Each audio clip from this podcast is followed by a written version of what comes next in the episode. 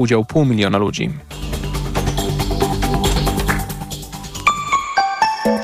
Pogoda. Poniedziałek będzie słoneczny i bardzo ciepły. Temperatury na Podkarpaciu i Dolnym Śląsku sięgną 25 stopni, 24 w Poznaniu, Toruniu, Bydgoszczy, 23 w Warszawie, 22 w Białymstoku i Trójmieście. Zachmurzyć się może po południu na południowych krańcach Polski, tam też szansa na słaby deszcz. A teraz czas na raport smogowy. Sponsorem alertu smogowego jest firma Kostrzewa, polski producent pomp ciepła, kotłów elektrycznych i kotłów na pelet. Kostrzewa.com.pl Krótki raport w poniedziałek rano, bo jeśli chodzi o duże miasta, jakość powietrza jest bardzo dobra niemal wszędzie. Zachęcam więc do wyjścia. Jedynie w Grudziądzu podwyższone stężenie pyłów zawieszonych wykraczające poza normy Światowej Organizacji Zdrowia. Sponsorem alertu smogowego jest firma Kostrzewa, polski producent pomp ciepła, kotłów elektrycznych i kotłów na pelet. Kostrzewa.com.pl Radio TOK FM. Pierwsze radio informacyjne. Sponsorem audycji jest bank BNP Paribas, zdobywca nagrody Najlepszy Bank na świecie dla korporacji według Euromoney Awards 2022. EKG. Ekonomia, kapitał, gospodarka.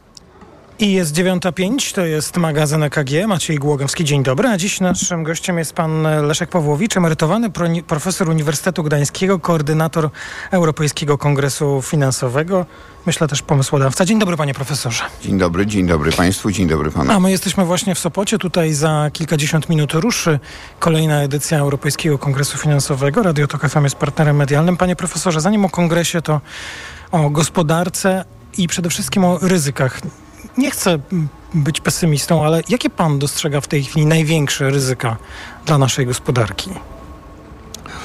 No generalnie mamy taki układ w tej chwili, że są ryzyka i zewnętrzne na zewnątrz, które nie wiadomo jak się potoczą, na które nie mamy wpływu albo prawie nie mamy, wynikające z różnych politycznych i globalnych uwarunkowań, z wojny na Ukrainie, to jest coś takiego, e, na co wpływu nie mamy. No i są ryzyka wewnętrzne, prawda? Wewnętrzne. Mm, ja nie jestem politykiem i nie chciałbym tutaj specjalnie się wymądrzać na temat ryzyk e, politycznych, ale według mnie największym takim ryzykiem to jest e, podział naszego społeczeństwa, skrajny taki podział, coraz głębszy no to są e, strategiczne. Przepraszam, muszę od razu wejść panu w słowo, by zareagować. Panie profesorze, dawno nie słyszałem e, w odpowiedzi na pytanie o ryzyka, a pytałem przecież o gospodarcze, te wynikające z podziału społeczeństwa. Pan naprawdę uznaje, że to jest także i gospodarczy problem? No, jeśli hmm, społeczeństwo tak będzie skrajnie podzielone, że nie będzie miało do siebie nawzajem zaufania, będzie tak skrajnie podzielone jak w niektórych krajach, że wybucha wojna domowa, no to trudno powiedzieć, że to nie jest ryzyko gospodarcze, to jest zagrożenie dla gospodarki, powiedziałbym gorsze często niż wojna zewnętrzna.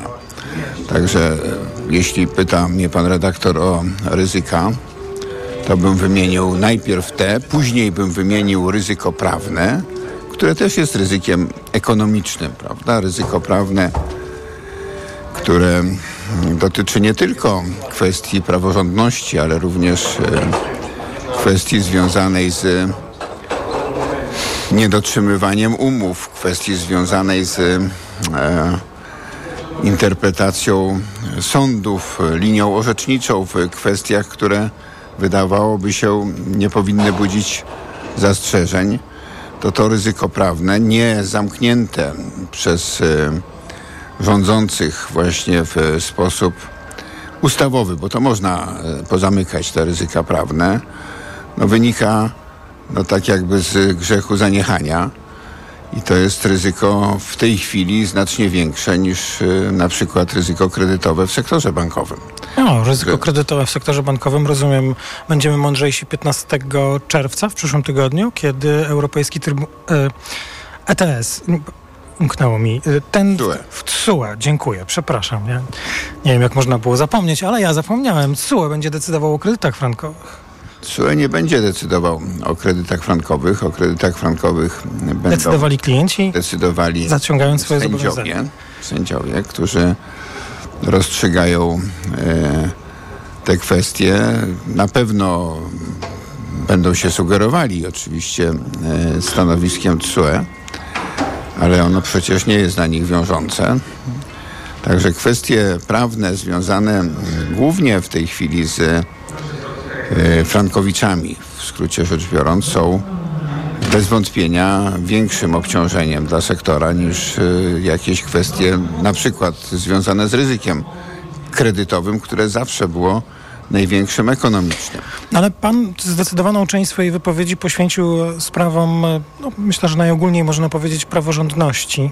Nie ma pan takiego wrażenia, panie profesorze, y, i znów to, to nie jest próba umniejszenia tego argumentu, bo akurat od tego jestem bardzo daleki, ale że tak wiele czasu w ostatnich e, ośmiu latach poświęciliśmy e, na informowanie o tym, że to prawne ryzyko w końcu kiedyś się odbije na naszej kondycji, a ten taki moment sprawdzający nie nadchodzi, choć podejrzewam, że są ludzie, którzy na co dzień do, do, doświadczają tego, że Polska wytraciła swoją praworządność. Nie, nie ma pan wrażenia, że ten argument jest trudny do uchwycenia? Przepraszam, że... że jest trudny taki do uchwycenia, do, do przekonania? Chociaż znaczy- być może te pół miliona ludzi w Warszawie wczoraj dowodzi tego, że wcale nie jest taki trudny.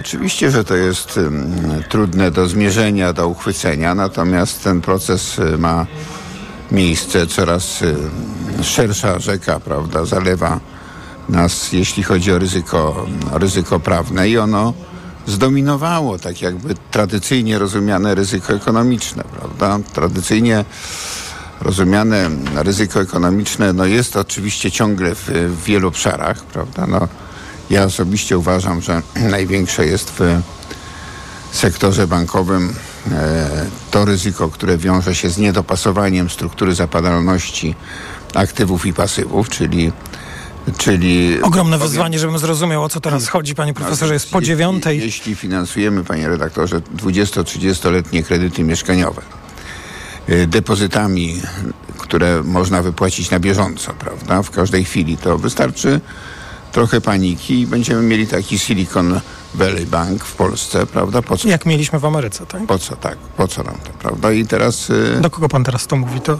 Ja mówię to... Do kogo to jest apel, to, jeśli tak go mogę zinterpretować? Mówię to do, głównie do regulatorów, prawda? Bo e, przecież e, nie ma takiego kraju w Europie, który ma tak dużą dysproporcję pomiędzy terminami zapadalności właśnie tych y, pasywów, czyli tych y, osadów we wkładach, krótkookresowych depozytów, bardzo krótkich i bardzo długich kredytów y, mieszkaniowych. No w Polsce około 5%, 5% y, kredytów mieszkaniowych to są kredyty, które mają pokrycie właśnie w długich Y, obligacjach, tak zwanych listach zastawnych, a reszta opiera się na takim bardzo chwiejnym y, fundamencie i to trzeba zmienić. Jeśli chodzi o ryzyko ekonomiczne, to od y, wielu lat, od wielu lat to jest w moim przekonaniu największe ryzyko systemowe, jeśli chodzi o polski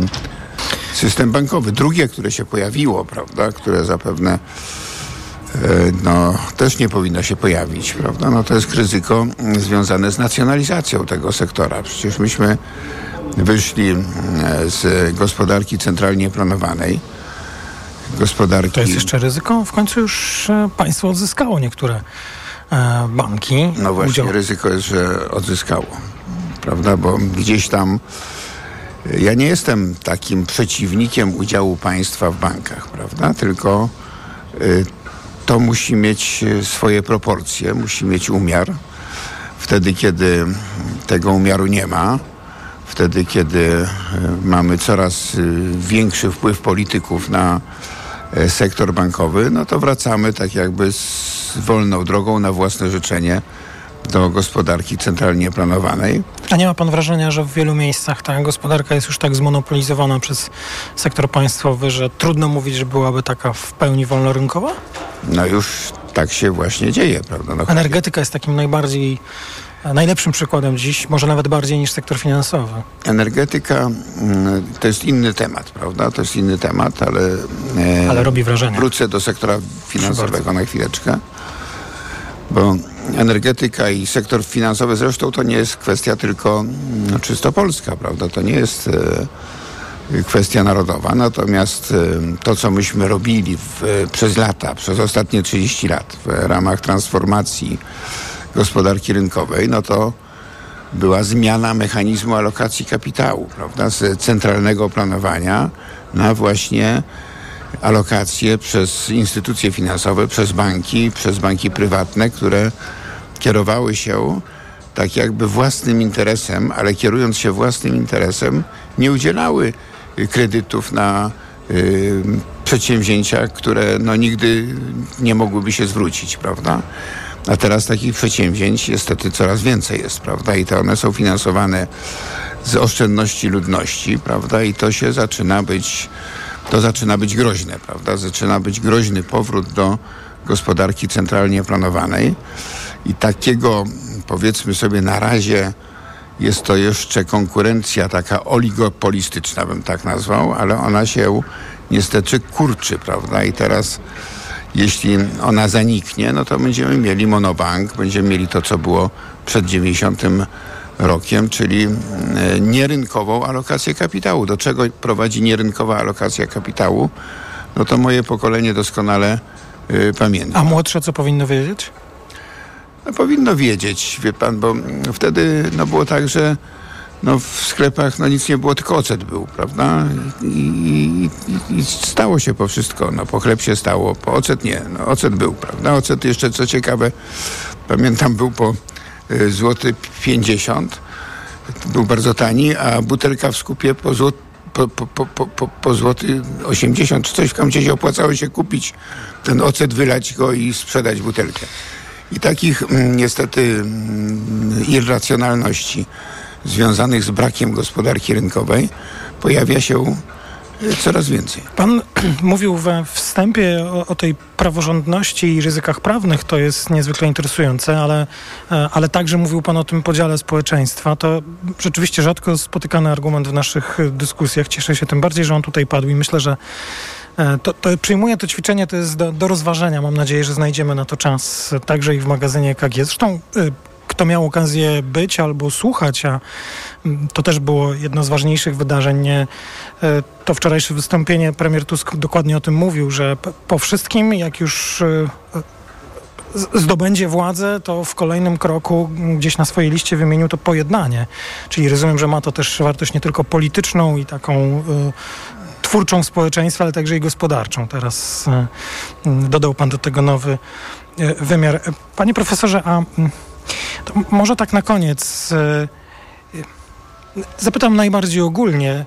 E, czy Pana zdaniem e, jakimś ryzykiem, nie wymienił Pan w ogóle inflacji, jakimś ryzykiem jest polityka, którą prowadzi Narodowy Bank Polski? No to jest bez wątpienia mm, ryzyko, tylko tutaj nie tylko o politykę chodzi, prawda? No to we wszystkich krajach po takim przełomowym Brenton Woods, prawda, spotkaniu, gdzie odstąpiono od y, y, no, pokrycia y, kruszcami pieniędzy, prawda, więc pieniądz, obojętny jaki, prawda, czy dolar, czy euro, czy jen japoński, czy polska złotówka nie jest przecież oparta na złocie, no to ono to się opiera tylko na jednej nodze, prawda? Na zaufaniu do emitenta. Na zaufaniu do emitenta. No i teraz jeśli patrzymy na banki centralne, również na Narodowy Bank Polski, to kwestia zaufania do emitenta jest kluczowa. To jest kwestia wiarygodności e, emitenta. No i tej wiarygodności emitenta nie można niszczyć, prawda, w sposób często nieprzemyślany do końca. Czasem przemyślany, ale e, moim zdaniem niewłaściwy, prawda? Moim zdaniem na przykład niewłaściwym, absolutnie błędnym kierunkiem były dwie ostatnie obniżki stóp procentowych, prawda? To były, to tak jakby taki film był kiedyś o jeden most za daleko, a to o dwa mosty e, za daleko. I wtedy to było już widać, prawda? To było już widać, że to jest... No to mówimy o czasach już właściwie teraz historycznych. Tak, ale ale to niestety tak jest w przypadku inflacji. Po tamtych obniżkach nadeszły podwyżki później. No tak, nadeszły później gwałtowe podwyżki. To jest właśnie efekt tych e, ostatnich decyzji, prawda? Potem już nie ma innego wyjścia i się topimy, prawda? I teraz jest pytanie oczywiście o wiarygodność takiego czy innego banku centralnego, również naszego i zaufanie do naszego emitenta. Wolałbym, żeby było większe. Bardzo dziękuję panie profesorze za rozmowę. E, może mniej rozmawialiśmy o tym, e, co będzie się działo w czasie Europejskiego Kongresu Finansowego, ale obiecuję, że będzie jeszcze okazja tutaj powiedzieć. Bardzo się cieszę, że pan przyjął zaproszenie na, e, na te pierwsze wydanie EKG tutaj stąd z EKF z Sopotu, a rzeczy, o których mówiliśmy, Cieszę się, że mieliśmy okazję o tym wszystkim porozmawiać. Bardzo dziękuję panie profesorze. Pan profesor Leszek Pawłowicz, inicjator i koordynator Europejskiego Kongresu Finansowego. Dziękuję bardzo. Dziękuję państwu bardzo, dziękuję panu bardzo. Teraz informacja, po informacjach druga część magazynu EKG. EKG. Ekonomia, kapitał, gospodarka. Sponsorem audycji był bank BNP Paribas, zdobywca nagrody Najlepszy Bank na świecie dla korporacji według Euromoney Awards 2022. Autopromocja. Tok FM i Podcastex prezentują lub czasopisma. Nowy podcast. Tylko w Tok FM Premium. Zakaz pornografii. Pierwszy polski McDonald's. I ostatnia pielgrzymka papieża do Polski. Przyglądamy się Polsce lat 90. i zerowych przez pryzmat czasopism z tamtego okresu. Lub czasopisma. Tylko w Tok FM Premium. Słuchaj na tokefm.pl ukośnik czasopisma lub w aplikacji mobilnej Tok FM.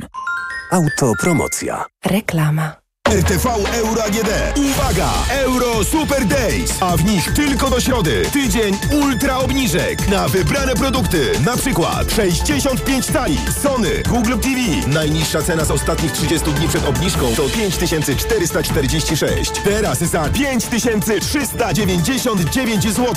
I dodatkowo do 14 czerwca. Pierwsza rata gratis na cały asortyment. RRSO 0%.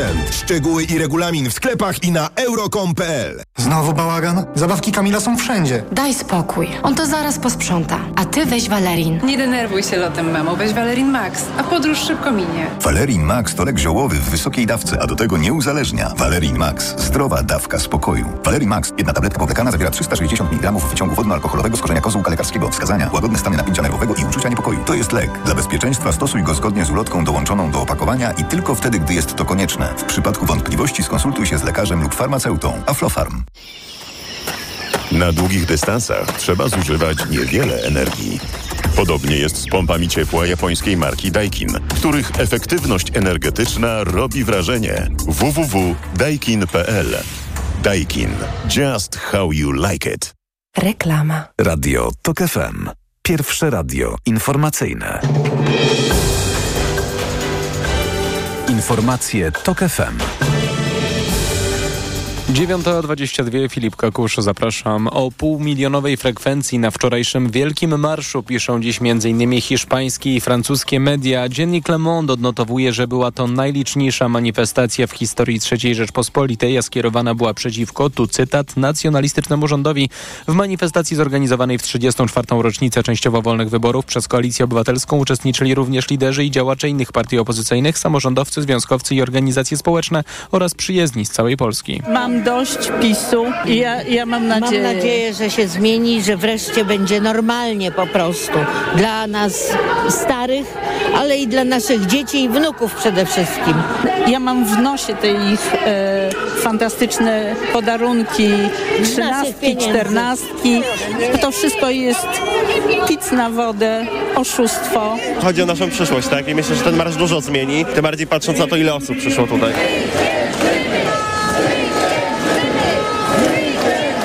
Podczas marszu przemawiali m.in. Donald Tusk i Lech Wałęsa. Szef Platformy Obywatelskiej zaapelował o mobilizację podczas jesiennych wyborów i zapowiedział rozliczenie tych, którzy zrobili zamach na konstytucję. Sekretarz generalny NATO Jens Stoltenberg spotkał się z nowo zaprzysiężonym prezydentem Turcji. Po rozmowach z Recepem Erdoganem ogłosił, że jeszcze w tym miesiącu przedstawiciele Szwecji, Finlandii i Turcji spotkają się, by omówić akcesję Szwecji do sojuszu. Erdogan blokuje rozszerzenie paktu, twierdząc, że Sztokholm chroni członków partii pracujących Kurdystanu, organizacji organizacji uznawanej za terrorystyczną również przez Unię Europejską i USA. Prawie 80 dziewcząt zostało zatrutych i trafiło do szpitali w wyniku dwóch oddzielnych ataków na szkoły podstawowe na północy Afganistanu.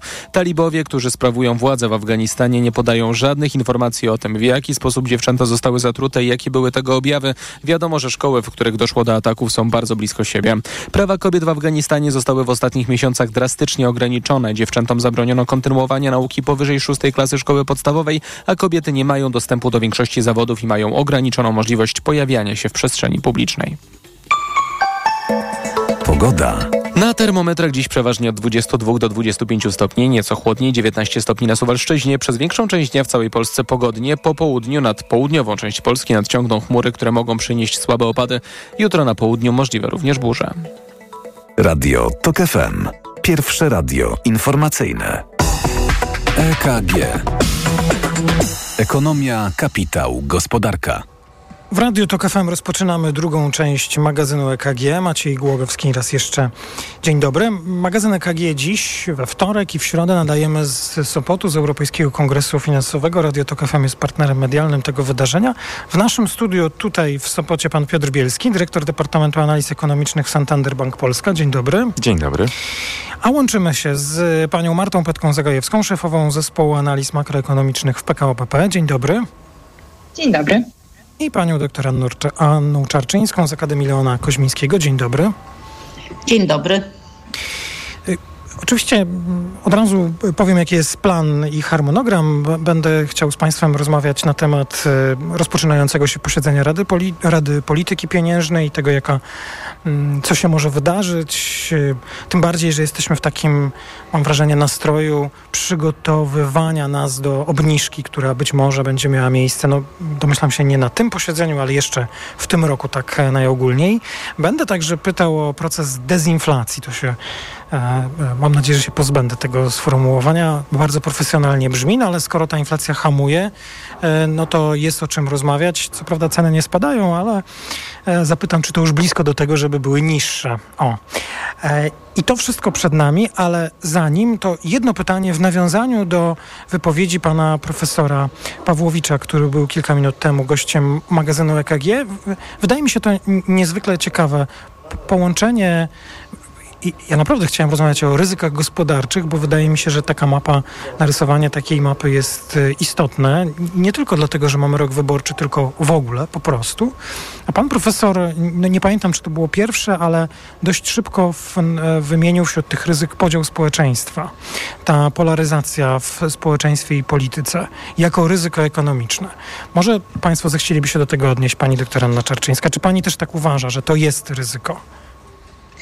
E, to jest jak najbardziej ryzyko i ono jest, przekłada się bezpośrednio też na sposób funkcjonowania gospodarki i jest wyceniane. Tu akurat nie mam w tej chwili przy, pod ręką e, badań, ale e, w społeczeństwach, które mają wysoki poziom zaufania wzajemnego, mamy po prostu mniej wydajemy na zwyczajnie na, na przykład na kontrolę, na weryfikację, na takie rzeczy, które w biznesie są no, dosyć istotne. Tak? Mniej musimy kontrolować, bardziej możemy zaufać. Już nie chcę tutaj cytować klasyków.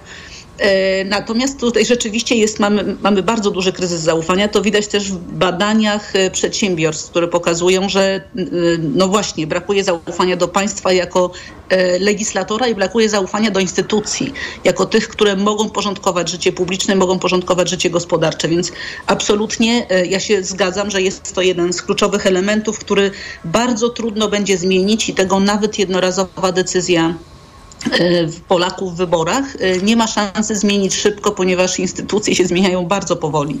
A e, to jest otoczenie do funkcjonowania firm. Także jak najbardziej.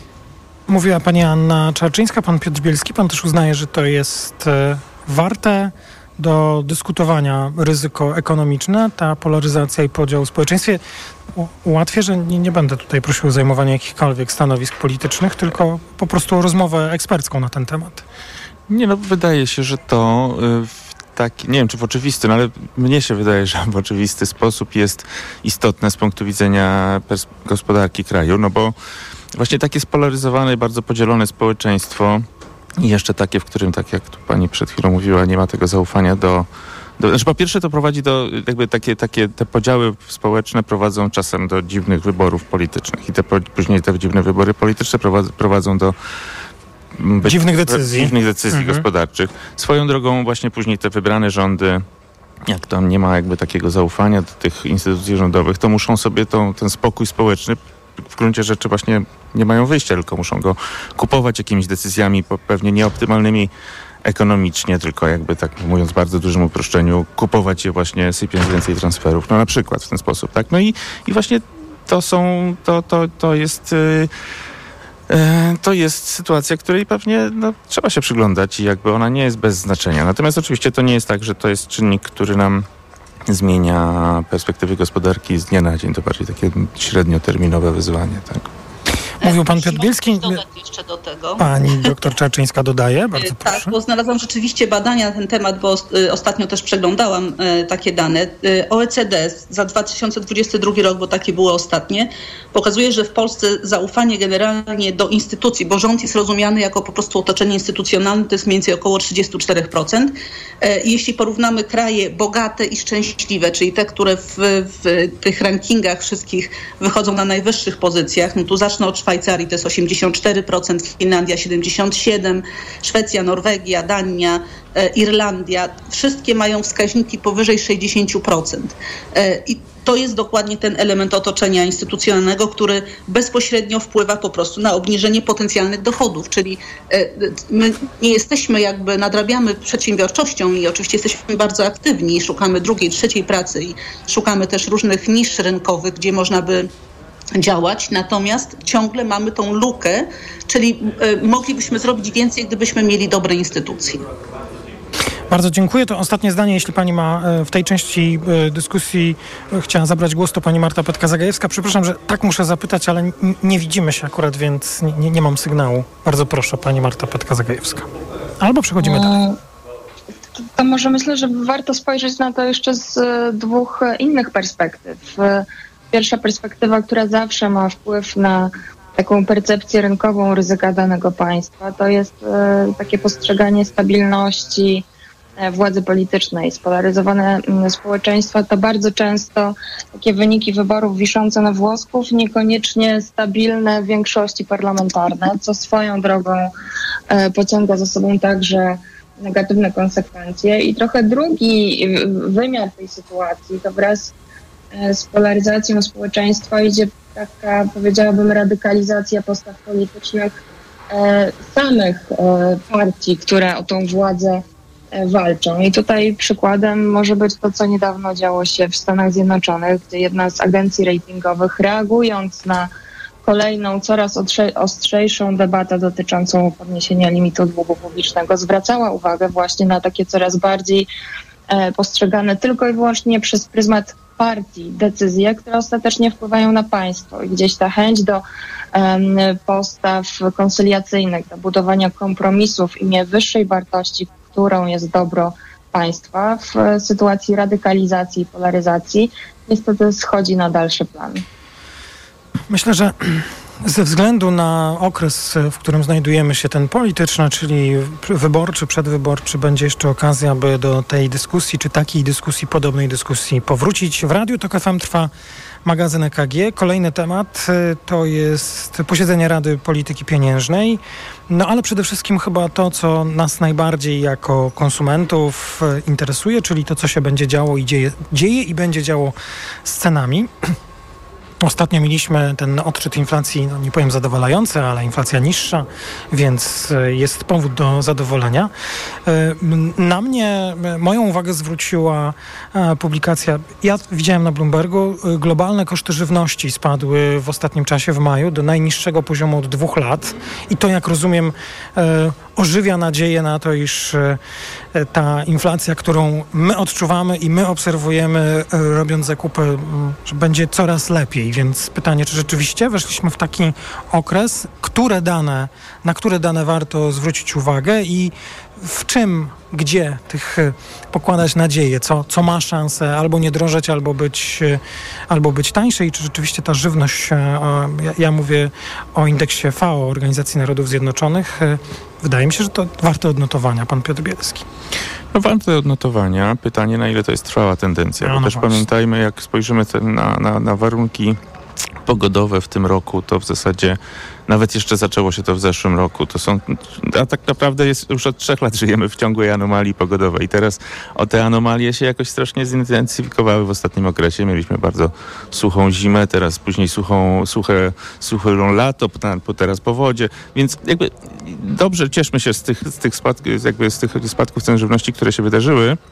Natomiast z punktu widzenia inflacji przynajmniej, e, ale, ale mam wrażenie, że to nie jest trwałe bardzo trwałe zjawisko i po, dość szybko pewnie e, za, te, te, ceny zaczną odbijać w górę. No, pszenica była Druga. najniższa, była mhm. najtańsza od blisko dwóch lat. To prawda, no i też no, na to się składa parę czynników, właśnie ta, ta, ta pszenica z Ukrainy też póki co trafia na rynki e, No i dostawy z Rosji. Niestety, niestety. Też, tak? tak. Natomiast też wszyscy wiedzą, że, że te zbiory, kolejne zbiory Ukrainy w Ukrainie będą już niższe i tak dalej. Więc to jest pierwsza rzecz. Druga rzecz, ceny surowców na świecie też one się obniżają i to bardzo dobrze z punktu widzenia inflacji. I tu znowu, yy, i mnie się wydaje, to też trochę funkcja, jakby co, tak, to, co myślimy o przyszłości, trochę zależy od tego, co myślimy o, o przyszłości ceny. O, to, to trochę zależy od tego, co myślimy o przyszłości gospodarki. Ja jestem raczej umiarkowanym optymistą, jeśli chodzi o globalny cykl gospodarczy. Mnie się wydaje, że powoli za, za, za, za niedługo zacznie się stopniowe ożywienie aktywności gospodarczej na świecie i w takim scenariuszu nie wyobrażam sobie dalszych spadków cen czy ropy naftowej, czy większości surowców. A jeśli tak, to? No a jeśli tak, to już jakby ta sytuacja właśnie związana z, cena, z, z kosztami produkcji, z cenami paliw nie będzie tak sprzyjająca. Natomiast Natomiast najważniejsze pewnie jest to, co się dzieje właśnie z, ogólnie właśnie ze wzrostem gospodarczym i z rynkiem pracy, bo on jest wciąż, mimo że jest, przeszliśmy przez jakieś niby wyraźne spowolnienie, jest wciąż rozgrzany i jak zaczniemy, gospodarka jak zacznie przyspieszać, to to znowu stanie się e, taki trochę punkt zapalny i dynamika płac trudno, żeby spadała w tej sytuacji. E, mówił pan Piotr Bielski, pani Marta Petka-Zagajewska. Perspektywy i prognozy dla inflacji, czy ceny żywności to jest to przynajmniej to, co przytoczyłem za indeksem VO, to jest coś obiecującego, Jakie jest Pani zdanie? No z punktu widzenia konsumenta oczywiście, że jest to coś obiecującego, chociażby z tego powodu, że to jest Pytanie jednak największy, największy kawałek e, naszego koszyka zakupowego, prawda, 27%. Natomiast ja bym może przypomniała tak trochę nieśmiało, że w normalnych czasach zwykliśmy wykluczać te zmiany inflacyjne wywołane przez takie komponenty koszyka, jak chociażby żywność, z takiej analizy która powinna być e, wskazówką dla polityki pieniężnej. To znaczy zawsze zakładaliśmy, że to jest po prostu coś, co jest niezmiernie zmienne i zależne od czynników zupełnie niezwiązanych z cyklem gospodarczym, z tym, co się dzieje w gospodarce, tylko no, tak jak mówił Piotr w bardzo dużym stopniu z, e, z warunkami pogodowymi. I to nie jest jakby ten element koszyka inflacyjnego, na który powinniśmy patrzeć, próbując wnioskować, czy e, wygraliśmy już wojnę z inflacją, czy też nie. I tutaj dużo bardziej myślę, że powinniśmy wrócić do tego drugiego wywołanego już tematu, jak chociażby rynek pracy.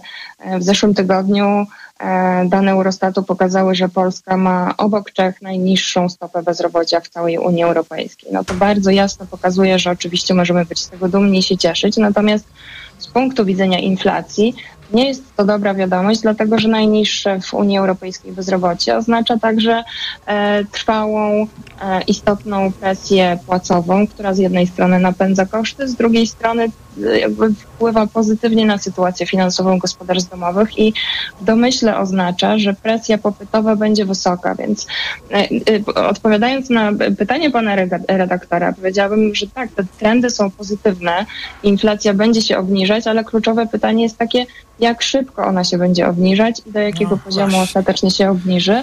A tutaj cały czas jakby to nie są e, ani tempo, ani ten ostateczny poziom z celem inflacyjnym gdzieś w 2025.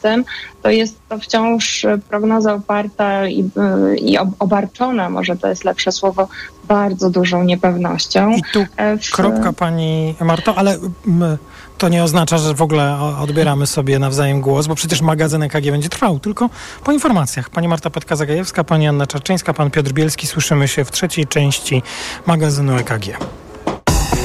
EKG. Ekonomia, kapitał, gospodarka. Autopromocja. Rozumieć Ukrainę. Nowy podcast Fundacji Tok FM i Fundacji Batorego. Zapraszają Agnieszka Lichnerowicz i Edwin Bendyk. Prowadzone w czasie wojny badania odsłaniają, jak dramatycznie, a czasem zaskakująco zmienia się ukraińskie społeczeństwo, tak jak i państwo czy gospodarka. Będziemy więc przedzierać się przez mgłę wojny, stereotypy, powierzchowne przekonania czy własne fantazje, by naprawdę i lepiej rozumieć naszego sąsiada. Rozumieć Ukrainę. Słuchaj na tokefm.pl ukośnik Ukraina lub w aplikacji mobilnej. Tok FM. Autopromocja. Reklama. Tyle teraz słychać o wszawicy. Co robić? Zuzia też złapała, ale kupiłam w aptece sprawdzony lek. Sora Forte. Sora Forte? Tak, to jedyny taki szampon leczniczy. Jest łatwy w użyciu i już po 10 minutach zwalcza wszy. Sora Forte. Ekspresowy lek na wszawicę. Sora Forte. Permetriną 10 mg na mililitr. Wszawica głowowa u osób w wieku powyżej 3 lat. Przeciwwskazania na wrażliwość na którąkolwiek substancję. Inne piretroidy, pyretryny. Aflofarm. Przed użyciem zapoznaj się z treścią lotki dołączonej do opakowania, bądź skonsultuj się z lekarzem lub farmaceutą, gdyż każdy lek niewłaściwie stosowany zagraża Twojemu życiu lub zdrowiu. Jestem lekarzem. Często przyjmuję pacjentów, którym nic nie pomaga na uciążliwy kaszel mimo rzucenia palenia. Nic dziwnego, to kaszel palacza. Lekceważony może mieć poważne konsekwencje. Rozwiązaniem jest wyrób medyczny Detusan. Detusan to specjalistyczne pastylki, które zmniejszają częstotliwość kaszlu i chronią błonę śluzową gardła podrażnioną przez palenie i kaszel. Detusan pomógł wielu moim pacjentom. Detusan uwolni się od kaszlu palacza. Palenie szkodzi zdrowiu. Dolegliwości układu oddechowego wymagają diagnostyki w celu ustalenia ich przyczyn. Bo w media ekspert taniej masz. O tak, taniej masz. Kupuj taniej w Media Expert. Na przykład iPhone 12 128 giga zielony. Najniższa cena z ostatnich 30 dni przed obniżką 4399. Teraz za jedyne 3999 z kodem rabatowym taniej o 400 zł. Bo w media Proszę, pana nowe okulary. Dziękuję, ale i tak będę brać Maxiluten, który pani mi poleciła. I bardzo dobrze.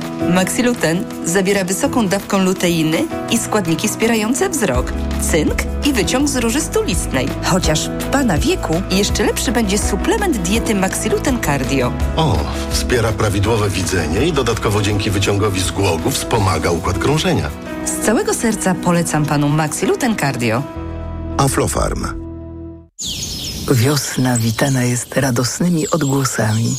Bambetle zbierają się w stada, podejmując niezwykłą podróż, by odnaleźć sezonowe miejsca lęgowe.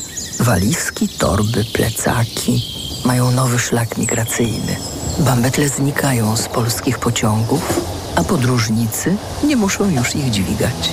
Kup bilet na pociąg w aplikacji Koleo i dodaj usługę Bambetle Plus. Odbierzemy Twój bagaż i dostarczymy go tam, gdzie potrzebujesz. Koleo. Dźwigniemy za Ciebie Twoje bambetle. Czytała Krystyna Czubówna. Czujesz, że masz problem? Pocisz się i nie da się tego ukryć. Jesteś ugotowana, bo twój antyperspirant znowu cię zawiódł? Pozbądź się go. Kup w aptece bloker potu Medispirant w formie sprayu. Jest wyjątkowo skuteczny, natychmiast blokuje pocenie i chroni przed przykrym zapachem. A przy tym jest niezwykle łagodny dla skóry, szybko się wchłania i działa długo, aż do 7 dni. Od razu poczujesz różnicę. Medispirant. Bez potu na dobre. Wypróbuj również Medispirant żel pod prysznic. Reklama. Radio TOK FM. Pierwsze radio informacyjne. Informacje TOK FM. 9.42 Filip Kakusz, zapraszam. Polska Agencja Prasowa podaje nieoficjalne informacje, jakoby Komisja Europejska przedłużyła do połowy września unijny zakaz importu z Ukrainy pszenicy, kukurydzy, rzepaku i słonecznika do pięciu państw Unii, w tym Polski. Taki zakaz wszedł w życie 2 maja i zastąpił jednostronne decyzje o zakazie importu wprowadzone przez rządy krajów graniczących z Ukrainą. Rozporządzenie obowiązuje do 5 czerwca. Dziś mamy więc poznać też oficjalną decyzję w Brukseli. Trybunał Sprawiedliwości Unii Europejskiej ma po południu ogłosić wyrok w sprawie dotyczącej zmian w polskim sądownictwie. Dwa lata temu Komisja Europejska wniosła przeciwko Polsce skargę w sprawie tzw. Tak ustawy kagańcowej. Stwierdziła, że przepisy nie pozwalają polskim sądom na weryfikację, czy spełnione są unijne standardy dotyczące niezawisłego i bezstronnego sądu. Słuchasz informacji TOK FM. Siły ukraińskie, jak się wydaje, odniosły wczoraj ograniczone sukcesy taktyczne w obwodach donieckim i zaporowskim. Ocenia w najnowszym raporcie amerykański Instytut Badań nad Wojną. Z kolei Sztab Generalny Sił Zbrojnych Ukrainy twierdzi, że rosyjskie wojska atakują ponownie w okolicach Bachmutu i Marinki, jednak te ataki ponoć nie przynoszą efektów. Sparaliżowany jest od wczorajszego popołudnia ruch kolejowy w Amsterdamie i okolicach. Pociągi nie kursują z powodu awarii w centrum kontroli. Media informują o pasażerach zmuszonych nocować na stacjach kolejowych. Kilkanaście minut temu pojawiła się informacja, że udało się uruchomić tymczasowe centrum sterowania w Utrechcie. Ruch kolejowy powoli jest przywracany. Pogoda. Poniedziałek będzie słoneczny i bardzo ciepły. Temperatury nad Podkarpaciu i Dolnym Śląsku sięgną 25 stopni, 24 w Poznaniu, Toruniu, Bydgoszczy, 23 w Warszawie, 22 w Białymstoku i Trójmieście. Zachmurzyć się może bliżej wieczora na południowych krańcach Polski, tam też szansa na słaby deszcz. Radio TOK FM. Pierwsze radio informacyjne. Sponsorem audycji jest bank BNP Paribas, zdobywca nagrody Najlepszy Bank na świecie dla korporacji według Euromoney Awards 2022. EKG. Ekonomia, kapitał, gospodarka.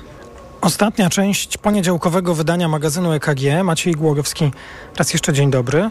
Jest już w tej chwili 9.44. Pani Marta Petka-Zagajewska, pani Anna Czarczyńska i pan Piotr Bielski. Y, zacytuję Państwu fragment teraz z dzisiejszego tekstu redaktora Hirsza z Business Insidera. Brzmi on tak. E, bardzo ciekawe rzeczy działy się w weekend na stronie internetowej Narodowego Banku Polskiego. Opublikowano tam coś, co wyglądało jak informacja po posiedzeniu Rady Polityki Pieniężnej. Teraz y, wstawka dla słuchaczek i słuchaczy. Posiedzenie odbywa się dopiero w tym tygodniu, nigdy nie odbywa się w weekend i jeszcze I taki koniec tej wstawki, tak żebyśmy wszyscy byli na jednej taśmie. Publikacja opatrzona była hashtagiem test RPP, co sugeruje, że był to jakiś rodzaj testu w ramach systemów informatycznych. Test ewidentnie poszedł źle, ponieważ pseudodokument został opublikowany i zauważony przez publiczność. Co gorsza, napisano w nim, że Rada obniżyła stopy, co dodatkowo wzmocniło efekt e, sensacyjny całej wpadki. Pani Marto, to pytanie do Pani Marty Petki-Zagajewskiej. Co z tym zrobić? Czy uznać po prostu za wpadkę i nie komentować? Czy to tylko zabawne? Na szczęście nie, nie zgadzały się też te, te poziomy stóp procentowych, tak. które niby miały się zmienić, więc to dla wprawnego i e, obeznanego z rzeczywistością gospodarczą czytelnika już było takim wyraźnym sygnałem, że, że coś jest nie tak i nie należy przywiązywać żadnej wagi do tej informacji. Natomiast e, jak się powinno testować różne rzeczy, nie mi się o tym wypowiadać. E, nie spodziewam się, by taki komunikat o treści z obniżką stóp procentowych pojawił się na stronie internetowej Narodowego Banku Polskiego jutro. Y, jutro. To znaczy, że rozumiem, że tym razem pani się jeszcze obniżki nie spodziewa, chociaż e, to też jest poważna sprawa, bo trwa taka ożywiona dyskusja, czy już w czwartym kwartale te obniżki, w trzecim, czwartym, pod koniec trzeciego, w czwartym te obniżki się pojawią. Tak, oczywiście, ta historia z opublikowanym komunikatem to bardziej anegdota, ale Mam taki polityczny komentarz. Jak nie idzie temu NBP-u, to mu nie idzie. E, źle to oczywiście, ale celowo odmieniłem. To jest trzecia część magazynu EKG. E, czas na zdziwienia. Pani, pani doktora Naczarczyńska, co panią dziwi? To ja jednak może wrócę do tego, do tego incydentu, który był przed chwilą omawiany, dlatego że, e, jak powiedziała moja przedmówczyni, e, wytrawny e, znawca tematu, oczywiście, że sobie da z tym radę i się zorientuje, natomiast nie wiem, czy sztuczna inteligencja sobie da radę z takim komunikatem, no bo przecież można ustawić rzeczywiście alert na zmianę, czy pojawienie się nowych informacji na stronie NB, NBP, po prostu dlatego, że takie rzeczy się zwyczajnie nie zdarzają. Więc no, temu misiu naprawdę naprawdę już bardzo e, niewiele brakuje do tego, żeby, żeby osiągnąć najniższe poziomy. To jest oczywiście bardzo zły sygnał, bo to jest dokładnie taka sama informacja o tym, jaka jest jakość instytucji, o której rozmawialiśmy w, w, w poprzednim wejściu. Natomiast e, krótkie moje zdziwienie, e, odkryłam jeszcze jedną lukę, bo mówiliśmy sobie przed chwilą o tym, że mamy trochę takiej luki w stosunku do dochodu, znaczy do potencjalnego PKB. Natomiast y, również mamy y, mnóstwo innych luk, o których rozmawiamy, y, płacowe chociażby. I luka, która mnie zdziwiła też w kontekście chociażby wczorajszych wydarzeń w Warszawie i też deklaracji dotyczących na przykład dzietności w Polsce. Otóż okazuje się, że jest coś takiego jak luka rodzicielska, czyli taka różnica pomiędzy e, ilością dzieci, które się ma, a ilością dzieci, które chciałoby się mieć, gdyby mieć do tego dobre warunki. E, I przy rzeczywiście takim kryzysie demograficznym, którego doświadcza zresztą nie tylko Polska, bo wszystkie praktycznie kraje wysoko rozwinięte tego doświadczają, e, no można by się zastanowić, e, ile nam brakuje do tego wymarzonego poziomu posiadania potomstwa, na, na, na który byśmy się zdecydowali, gdyby. No i to gdyby jest właśnie tym czynnikiem znowu instytucjonalnym, który jest do rozwiązania, żeby poprawić chociaż trochę sytuację w Polsce. Bardzo dziękuję. Mówiła pani doktor Czerczyńska. Do zdziwienia pani Marta Petka-Zagajewska. To może ja z kolei pociągnę ten wątek czata GPT, bo to, co przykuło moją uwagę w weekend, to artykuł, artykuł w Washington Post już o e, pierwszych historiach osób, które na skutek e, takiej komercjalizacji e, szerokiej czatu GPT zaczęły e, tracić pracę. Powiem szczerze, że dosyć dużo rozmawialiśmy o tym, jakie to pociąga Tracić za sobą pracę, bo konsekwencje. Tracić pracę, ponieważ ich tak? zadania zostały zastąpione właśnie poprzez e, wykorzystywanie czata GPT. To byli w głównej mierze copywriterzy, czyli osoby tworzące na zamówienie teksty różnej maści, różnego e, rodzaju. No i tutaj to też jest ciekawa historia, w której e, bardzo szybko, jak się okazało, nowe rozwiązanie technologiczne, dużo tańsze od e, człowieka, e, te miejsca pracy zaczyna likwidować, pomimo takiej też pojawiającej się w tym artykule świadomości e, firm rezygnujących z pracowników e, o ryzykach z tym wiązanych. To znaczy między innymi z tym, że czat na wiele różnych rzeczy może się nabrać, że jest jeszcze dosyć e, skory do szerzenia takich półprawd e, czy tak zwanych e, fake newsów. No ale powiem szczerze, że to, co mnie zdziwiło, to to, jak szybko już z takimi sytuacjami e, mamy e, do czynienia i jak niewiele czasu trzeba, żeby nowe rozwiązanie technologiczne doprowadzało do wymiernych zmian na rynku pracy. Bardzo ciekawa sprawa. Nie wiem, czy pani doktor Czerczyńska y, chce się do tego odnieść, bo to są tematy, którymi, o których bardzo często dyskutujemy. To znaczy na pewno zmiany rynku pracy będą, tylko e, no też bym nie, e, z jednej strony jest to obiecujące, dlatego że e, też martwimy się oczywiście, że cały system na przykład emerytalny będzie niewydolny. Ja pokładam duże nadzieje, że chat GPT będzie w stanie generować na przykład taką część dochodu, którą można będzie pod, podlegać większej redystrybucji. Natomiast praca Myślę, że i to też widać w analizach e, Międzynarodowej Organizacji do Spraw Pracy, e, że e, będzie luksusem do 2050 roku. Praktycznie duża część populacji e, no, e, będzie zastępowalna. I to są takie prognozy, które pokazują, że trzeba mieć rzeczywiście e, kompetencje unikalne i oczywiście cyfrowe, żeby w tym nowym świecie się odnaleźć, ale to chyba jest nieuniknione. Bardzo dziękuję. No to zdziwienie pan Piotr Bielski. No ja myślałem o tym, co już w sumie wcześniej było wspomniane, czyli tym, że, że stopa bezrobocia mm, po raz kolejny w Polsce spadła. Jest teraz już w zasadzie, na, jesteśmy na pierwszym miejscu, na podium, na, na pierwszym miejscu na równi z Czechami. I wydawałoby się, że no tak się nie powinno dziać w gospodarce, która od pierwszego, od drugiego kwartału ubiegłego roku w zasadzie do, no, hamowała. O tym będzie konferencja prezesa NBP po decyzji o stopach procentowych. No na pewno, ale to znaczy pewnie będzie to wspomniane jako sukces. Tylko właśnie tutaj warto widzieć te, te, te jakby dobrze, że tak się dzieje, że, że Polacy nie tracą pracy, tylko, czy wręcz to bezrobocie jest coraz mniejsze. Natomiast trzeba zdawać sobie sprawę z tego, że to jest, to tworzy wyzwanie do dla e, dezinflacji, którą już wspomnieliśmy. To znaczy im lepiej jest na tym rynku pracy i szczególnie gdyby tak było, że za, na horyzoncie już nam mm, widać, widać po- ponowne ożywienie gospodarcze, i, a tak myślę, że większość prognoz wskazuje, nasza również, że, że w kolejnych kwartałach gospodarka powinna stopniowo przyspieszać, no to tym, tym bardziej trzeba sobie myśleć o tym, że ta, ten dalszy postęp w dezinflacji będzie trudny. Znaczy to, co się jakby, z jednej strony dezinflacja jest nieunikniona, bo to są, to jest wygaszanie szoków, które były wyjątkowo mocne i one się raczej już w tej skali nie powtórzą, ale z drugiej strony to jest ta łatwa część dezinflacji po prostu już się dokonała albo za chwilę się dokona, a największym wyzwaniem będzie to, jak dalej sprowadzać inflację w dół w sytuacji, gdy rynek pracy jest właśnie tak rozgrzany, gdy gospodarka powoli zaczyna zakręcać w stronę ożywienia.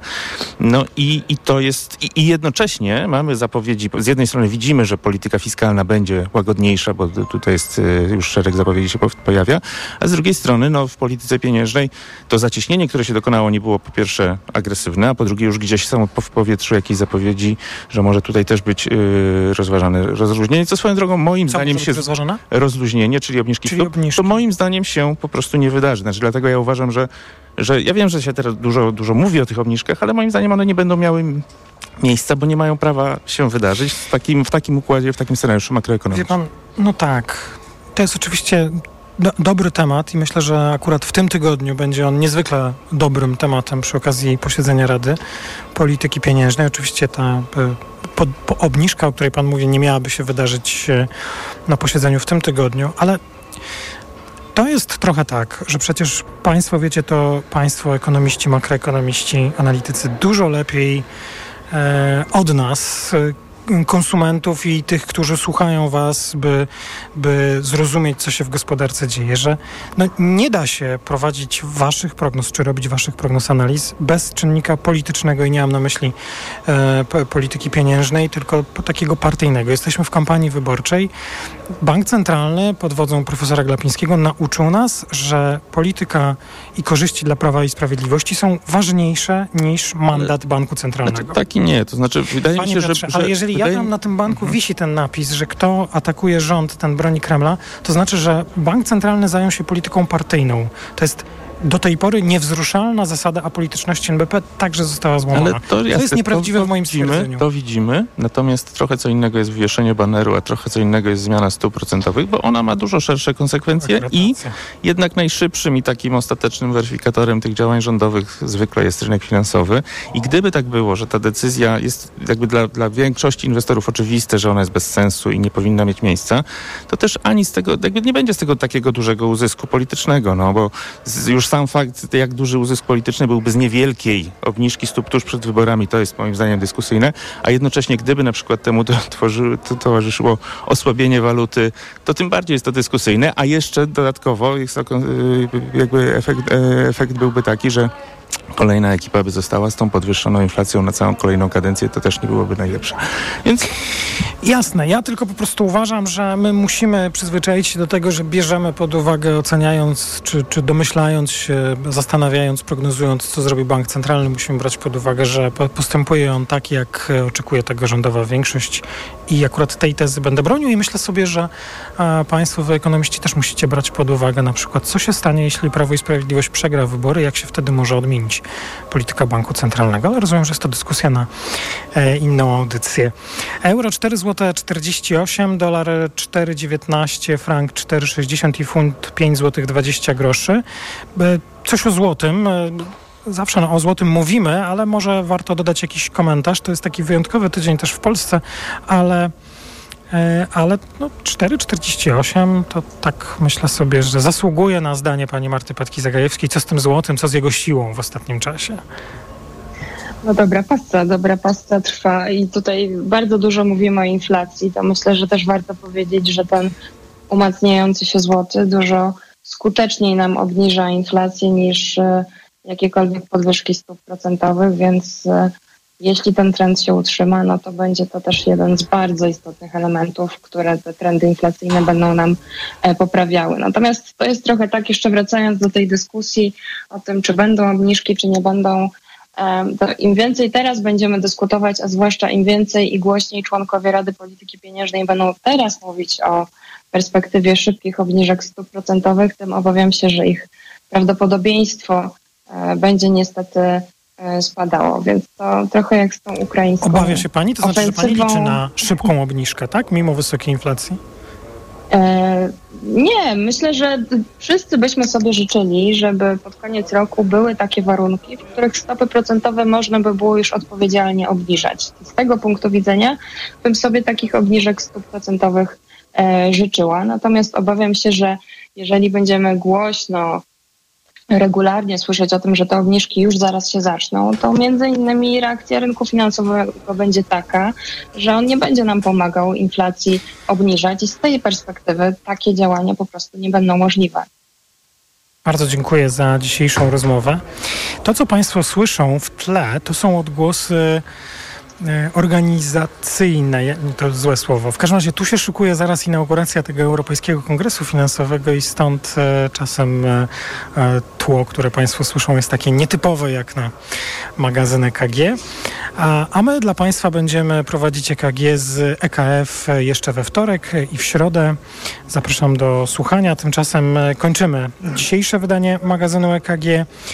Naszymi gośćmi byli pani Marta Petka-Zagajewska, szefowa zespołu analiz makroekonomicznych w Banku PKO BP, pani Anna Czarczyńska z Akademii Leona Koźmińskiego i pan Piotr Bielski, dyrektor Departamentu Analiz Ekonomicznych w Santander Bank Polska. Bardzo dziękuję. Magazyn EKG przygotowała Natalia Banaczek, realizowała Liwia Prądzyńska oraz Marcin Harłampowicz. Również bardzo dziękuję w Radiu TOK FM o 10 informacje. Ja również bardzo dziękuję. Maciej Głogowski, do usłyszenia. EKG. Ekonomia, kapitał, gospodarka. Sponsorem audycji był bank BNP Paribas, zdobywca nagrody Najlepszy bank na świecie dla korporacji według Euromoney Awards 2022. Ekonomia 360. Słuchaj od poniedziałku do piątku o 18.20.